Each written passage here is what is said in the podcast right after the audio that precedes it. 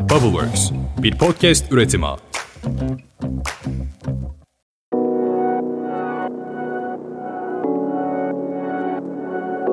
Merhaba ben Işıl Ergincan. Bir podcast üretim ağı olan Bubbleworks Medya'nın orijinal içeriği Ne Yaptığının Farkında Mısın podcast kanalına hoş geldin. Bugün tarım konuşuyoruz.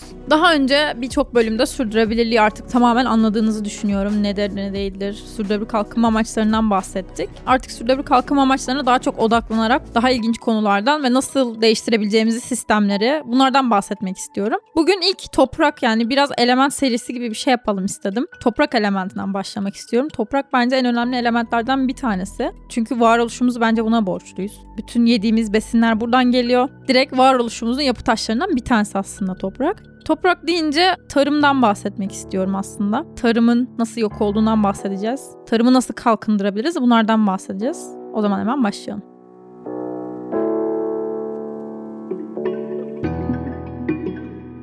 Şimdi tarım dediğimiz şey tanımsal olarak yani sözlükteki tanımını açıp baktığım zaman gerekli ve yararlı bitkileri yetiştirmek, ürün elde etmek ereğiyle toprak üzerinde yapılan çalışmaların tümü olarak geçiyor. Tarımı şekillendiren şeylerden bazıları iklim, yeryüzü şekilleri, toprak, ilaçlama, makineleşme, sulama, gübreleme, pazarlama ve kuruluşlar. Bunların hepsi tarıma dahil ve bunların herhangi birinde gelişen bir gelişme, bir aksaklık, farklılık komple tarımı etkiliyor. Yani bunlardan en en en önemlisi ise iklim. Çünkü sıcaklık ve yağıştan tamamen etkilenen bir tarım yapısı aslında. Ve şu an Türkiye'de tarıma baktığımız zaman tarım korkunç bir halde. Neden korkunç bir halde? Bunlardan bahsedelim biraz. Şimdi Türkiye su fakiri bir ülke. Böyle gözükmüyor olabilir. Üç tarafı denizlerle çevrili olduğu için ne var canım suyumuz var gibi geliyor olabilir ama Türkiye kuraklıkla baş eden, kuraklığın pençesinde olan ve bununla gerçekten yıllardır uğraşan bir ülke. Bu da aslında tarımı etkiliyor. Şimdi tarım nasıl başlıyor? İnsanlık böyle avcı toplayıcıyken bir anda tarım yapabileceğini fark ediyor. Toprağa ekmeği buluyorlar. Ve diyorlar ki tamam biz yerleşik hayata geçelim tarıma başlayalım. Şimdi mesela benim bir tane arkadaşım var Civan ve kendisi diyor ki tarım yüzünden biz şu an bu haldeyiz. Yani yerleşik hayata geçtiğimiz ilk andan itibaren aslında dünyayı mahvetmeye başladık diyor. Ama ben böyle düşünmüyorum. Bence sanayi devrimi daha çok dünyayı mahveden şeylerden bir tanesi olduğunu düşünüyorum. Siz ne düşünüyorsunuz? Bana yazarsanız sevinirim. Şimdi burada tarımın keşfiyle alakalı şöyle bir sıkıntı var. Daha önce ilk insanlar doğa ve insanlık olarak bir ayrıma gitmiyorlar. Bunu daha önce de söylemiştim bir ayrıma gitmedikleri için de böyle doğayı katledilmesi gereken, fethedilmesi gereken bir yer gibi görmüyorlar ve doğayı her zaman aslında ona isteklerini söylüyorlar ve ona ona karşılığını veriyor gibi bir bağ var aralarında. İşte mesela kuraklık geldiği zaman yağmur doğasına çıkıyorlar. Böyle bir düzen var. Daha sonra işin içine şeyler giriyor. Yani biz tarımı daha en verimli nasıl yaparız? GDO'lar giriyor, işte pestisitler giriyor, makineleşme geliyor falan ve artık toprağa biz hükmetmeye başlıyoruz ve sorun da aslında birazcık burada başlıyor. Şimdi biz Anadolu toprağındayız ve Anadolu toprağı aslında en verimli toprak. Yani baktığınız zaman ilk yerleşimler burada kurulmuş. Mezopotamya'da kurulmuş. Ve inanılmaz verimli bir toprağı bu kadar fakir bir hale getirmek, bu kadar tarımdan uzak, çiftçiyi fakir duruma düşürmek çok büyük bir başarı. Bunun için öncelikle gerçekten tebrik etmemiz gerekiyor. Peki bu hale nasıl geldik? Birazcık bundan bahsedelim. Şu an hükümet bir dönüm buğday ekene 65 lira destek veriyor. Ve bunu işte çiftçiye verilen destek yüzde şu kadar şu kadar arttı falan gibi çok fazla lanse ediliyor bu basını vesaire. Ama şöyle bir sıkıntı var. Çiftçiye verilen destek arttı evet ama çiftçinin kullandığı ürünlerdeki fiyat artışını göz ardı ediyoruz. Yani çiftçi burada bir besini ekebilmek için bir mahsul alabilmek için mazot kullanıyor, enerji kullanıyor, su kullanıyor. Bunun yanında işte gübreleme yapıyor, ilaçlar kullanması gerekiyor. Ve bunların masrafını aslında biz göz ardı ediyoruz. Bu çok büyük bir sıkıntı. Şimdi Türkiye'de tarım alanları içerisinde %49'luk en büyük pay tahıllarda. Toplam tahıl alanları içerisinde ise %67'lik payla buğday var. Şimdi buğday Türkiye Cumhuriyeti kurulduğundan beri biz buğday üretiyoruz aslında ve buğday konusunda bizim ilk sıralarda olmamız gerekiyor. Yurt dışına buğday ihraç etme konusunda. Ama biz şu an Türkiye tarihine bir ilk 2022 Mayıs ayında biz Hindistan'dan ithal buğday aldık. Şimdi buğdayın ana vatanı olarak bilinen Türkiye'de bu şekilde bir noktaya gelmek korkunç bir hal. Bunun nedeni çiftçiyi desteklememek, çiftçinin aslında bu işi bırakması, vazgeçmesi bu işten. Çiftçi artık bu işe hevesli değil. Gençler de artık çiftçiliği bırakıyor ve çiftçilik kayboluyor. Şimdi bir de şöyle bir sıkıntı var. Genç nesil tarımı terk ettiği zaman çiftçinin de yaşlanması ve çiftçinin elde ettiği bütün bilgilerin aslında ortadan kaybolması gibi bir gerçek de var. Çünkü çiftçi şu an elde ettiği bilgileri yıllardır hani nesilden nesile aktararak getiriyor. Ama genç nesil oradaki bir kuşak ortadan kaybolduğu an o bilgiler aslında kayboluyor. Çünkü bunların hepsi ağızdan ağzına dolaşan bilgiler. Yani bir kitabı yok, tarımın bir verisi yok, bir şey yok Türkiye'de şu an için. Ve bu yüzden de aslında sıkıntılar doğuyor. Mesela biyoçeşitlilik kaybı var. Biyoçeşitlilik kaybı tarımı çok etkiliyor. Mesela her zaman insanların kulaktan kulağa söylediği bir şeydir. Arılar olmasa yok oluruz. Gerçekten öyle. Ve şu an mesela Türkiye'de yok olan kel aynaklar çiftçiyi en çok etkileyen kuş türlerinden bir tanesi. Çünkü bu kel aynaklar gidip tarım arazilerinde böcek vesaire yiyerek bu böcek ilacı kullanmanın önüne geçiyorlardı. Ama şu an mesela bu kuşlar yok. Tamam o zaman tarım alanlarında böcek ilacı kullanılması gerekiyor. İşte pestisit kullanılması gerekiyor. İşte bunlar da aslında çiftçinin verimini sıkıntıya düşürüyor ve çiftçilikte şöyle bir şey var. Siz mahsul yetiştirdiniz. Yetişen mahsulü devlet sizden direkt olarak almıyor. Arada tefeciler oluyor genelde. Ve bu tefecilere işte siz o bölgeden sorumlu bir kişi oluyor diyelim. O kişi devletle bağ kuruyor ve sizin ürününüzü o kişi alıyor. Ve o kişi sizin ürününüzü tercih etmediği zaman korkunç. Yani hani bu sistemin de bir son bulması gerekiyor. Bu sistemi çökertebilmek için, bu sistemi değiştirebilmek için birçok girişimler oldu, birçok adımlar oldu devlet tarafından da. Ama hala bu şekilde işleyen çok fazla yer var. Mesela en basitinden çay. Çayın herkes Karadeniz'de komple çay yetiştirir. Ama çayın bazı böyle ilk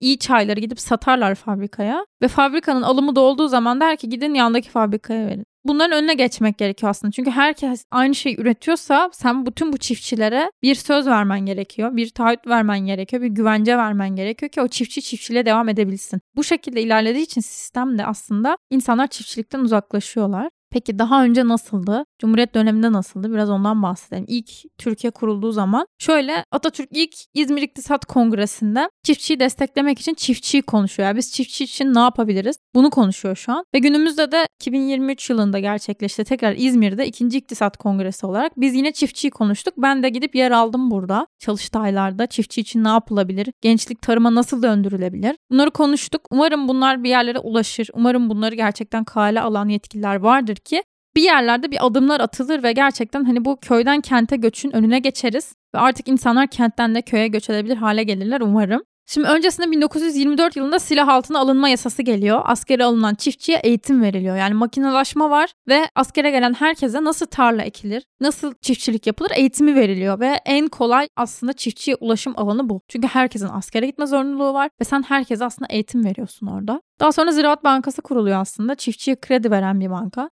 Aşar vergisi kaldırılıyor. Mesela bu çok önemli bir adım bence. Çünkü çiftçinin çektiği bütün zorlukları ortadan kaldırıyor. Ve 1923-1932 yılında tarımda büyüme %58 inanılmaz büyüyor o zamanlarda. Daha sonra 1935'te tarım satış kredi kooperatifleri var. Bunların da çok fazla katkısı var çiftçiye. Sonra 2. Dünya Savaşı'nda Marshall olayı var. Bunu hiç duydunuz mu bilmiyorum. Marshall olayında Türkiye'ye yardım yapılıyor ve süt tozu satılıyor ülkeye. Diyorlar ki süt artık kullanmayacaksınız. Süt tozu kullanın. Süt gibi falan gibi böyle reklamı yapılarak Türkiye'ye satış yapılmaya başlanıyor. Amerika satıyor bunu. Ve daha sonra bu süt tozunu kullanan çocukların birçoğunda çocuk felci görülüyor. Çocuk felci görüldükten sonra da Amerika Türkiye çocuk felci aşısı satıyor. Ve böyle böyle böyle böyle aslında çiftçi de uzaklaştırılıyor bu aşamalardan bu adımlardan. Yani sen sütü çiftçiden almadığın zaman süt tozunu bunun yerine soktuğun zaman çiftçiyi aslında orada saf dışı bırakıyorsun gibi. Bunun sonrasında işte bu çocuk felci aşısı olayından sonra köy enstitüleri kapatılıyor. Biliyor musunuz bilmiyorum köy enstitüleri gerçekten çiftçi için böyle en ideal ortam. Yani bu Atatürk'ün söylediği köylü milletin efendisidir sözünün gerçekten en önemli bence adımlarından bir tanesi köy enstitüleriydi. Bunlar kapatılıyor.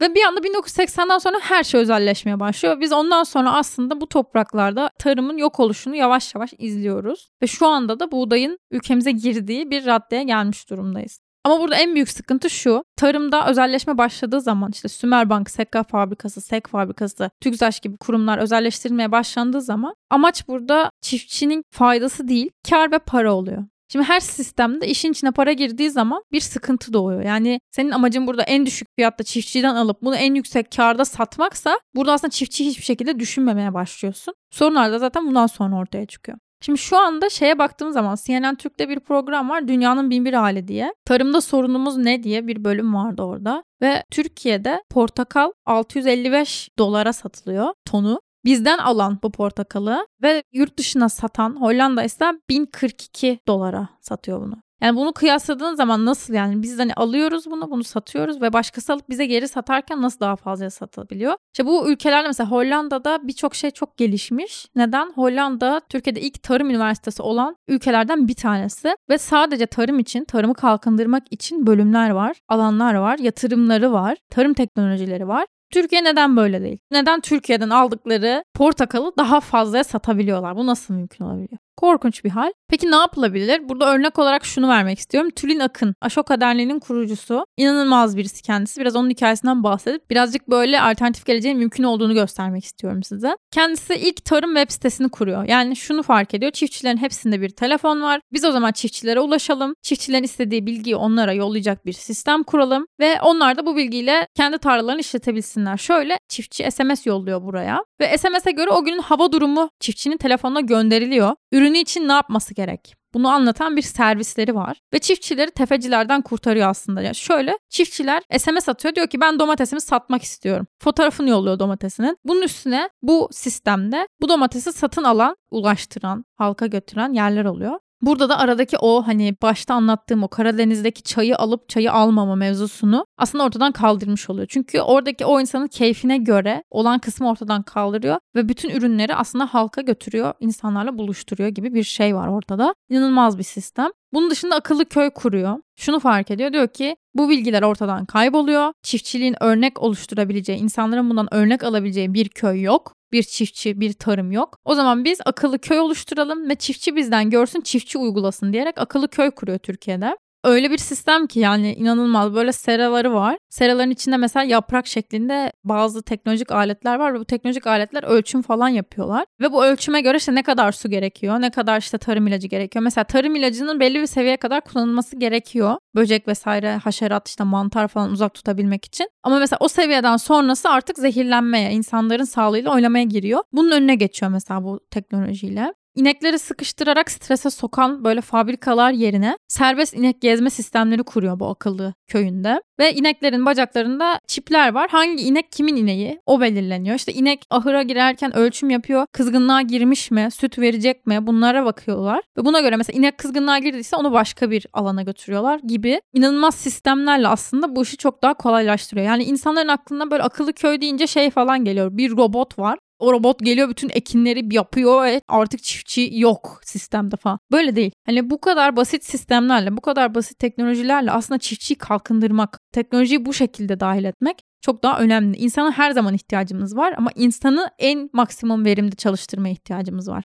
Bunun dışında mesela arı takibi yapabiliyor bu köyde. Arılar ne zaman geliyor, ne zaman çıkıyor, arılar baygın mı, arılar bal üretiyor mu vesaire. Bunun takibini yapabiliyorlar köylerinde. Onun dışında sinek takibi. Belli bir sinek türü varmış. Bu sinek türü sizin mahsulünüze dadandığı zaman o mahsulü mahvediyormuş aslında. Onu yiyormuş ve oradan artık verim alamıyormuşsunuz. Belirli bir ilaç kullanmanız gerekiyormuş o sinekten kurtulmak için. Mesela buralara taktıkları sinek ölçüm cihazlarıyla sinek geliyormuş. Sinek geldiği zaman işte ne kadar ilaç kullanması gerek yine fazlasını kullanmamaları için çiftçinin belirli sistemler kurulmuş ve geleceğin genç girişimci çiftçilerini yaratmak için de çocukları eğitiyorlar. İnanılmaz bir köy, inanılmaz bir girişim. Zaten kendisinin ödülü var. World Economic Forum'dan dünyanın en iyi sosyal girişimcisi ödülü aldı kendisi 2018 yılında. İnanılmaz bir örnek olduğunu düşünüyorum. Ve bu şekilde bence sistemi kalkındırabiliriz. Yani çiftçilere destek olabiliriz. Çok basit teknolojik aletlerle. İşte mesela bir cumhurbaşkanı adayının bir vaadi var. Çiftçiye güneş enerjisiyle elektriği ücretsiz yapacağım diye. Bunlara ihtiyacımız var. Bu vaatlere ihtiyacımız var. Çiftçiyi düşünen adaylara, çiftçiyi düşünen sistemlere gerçekten ihtiyacımız var. Atatürk'ün her zaman söylediği gibi çiftçi köylü milletin efendisidir. Bunlara ihtiyacımız var gerçekten.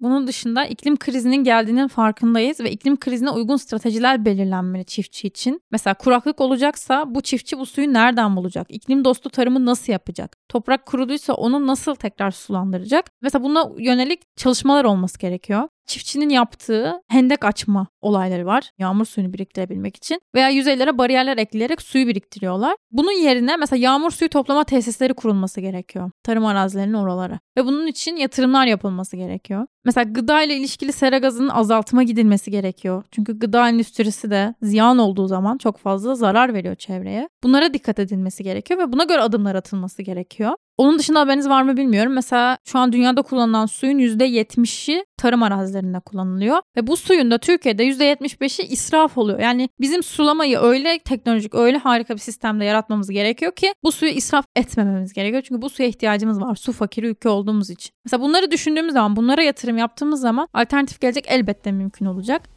Tarımla alakalı giriş bölümüm bu kadardı. Diğer bölümde ata tohumlardan, organik tohumdan, dikey tarımdan bahsetmek istiyorum. Bir de tarımın ormana olan etkisi, aslında etin sorunu. Birazcık bunlardan da bahsedeceğiz. O zaman diğer bölümlerde görüşmek üzere. Bu arada herhangi bir sorunuz olduğunda bana Instagram'dan ulaştığınızda ben çok mutlu oluyorum. O yüzden geri dönüşlerinizi bekliyorum. Hoşçakalın.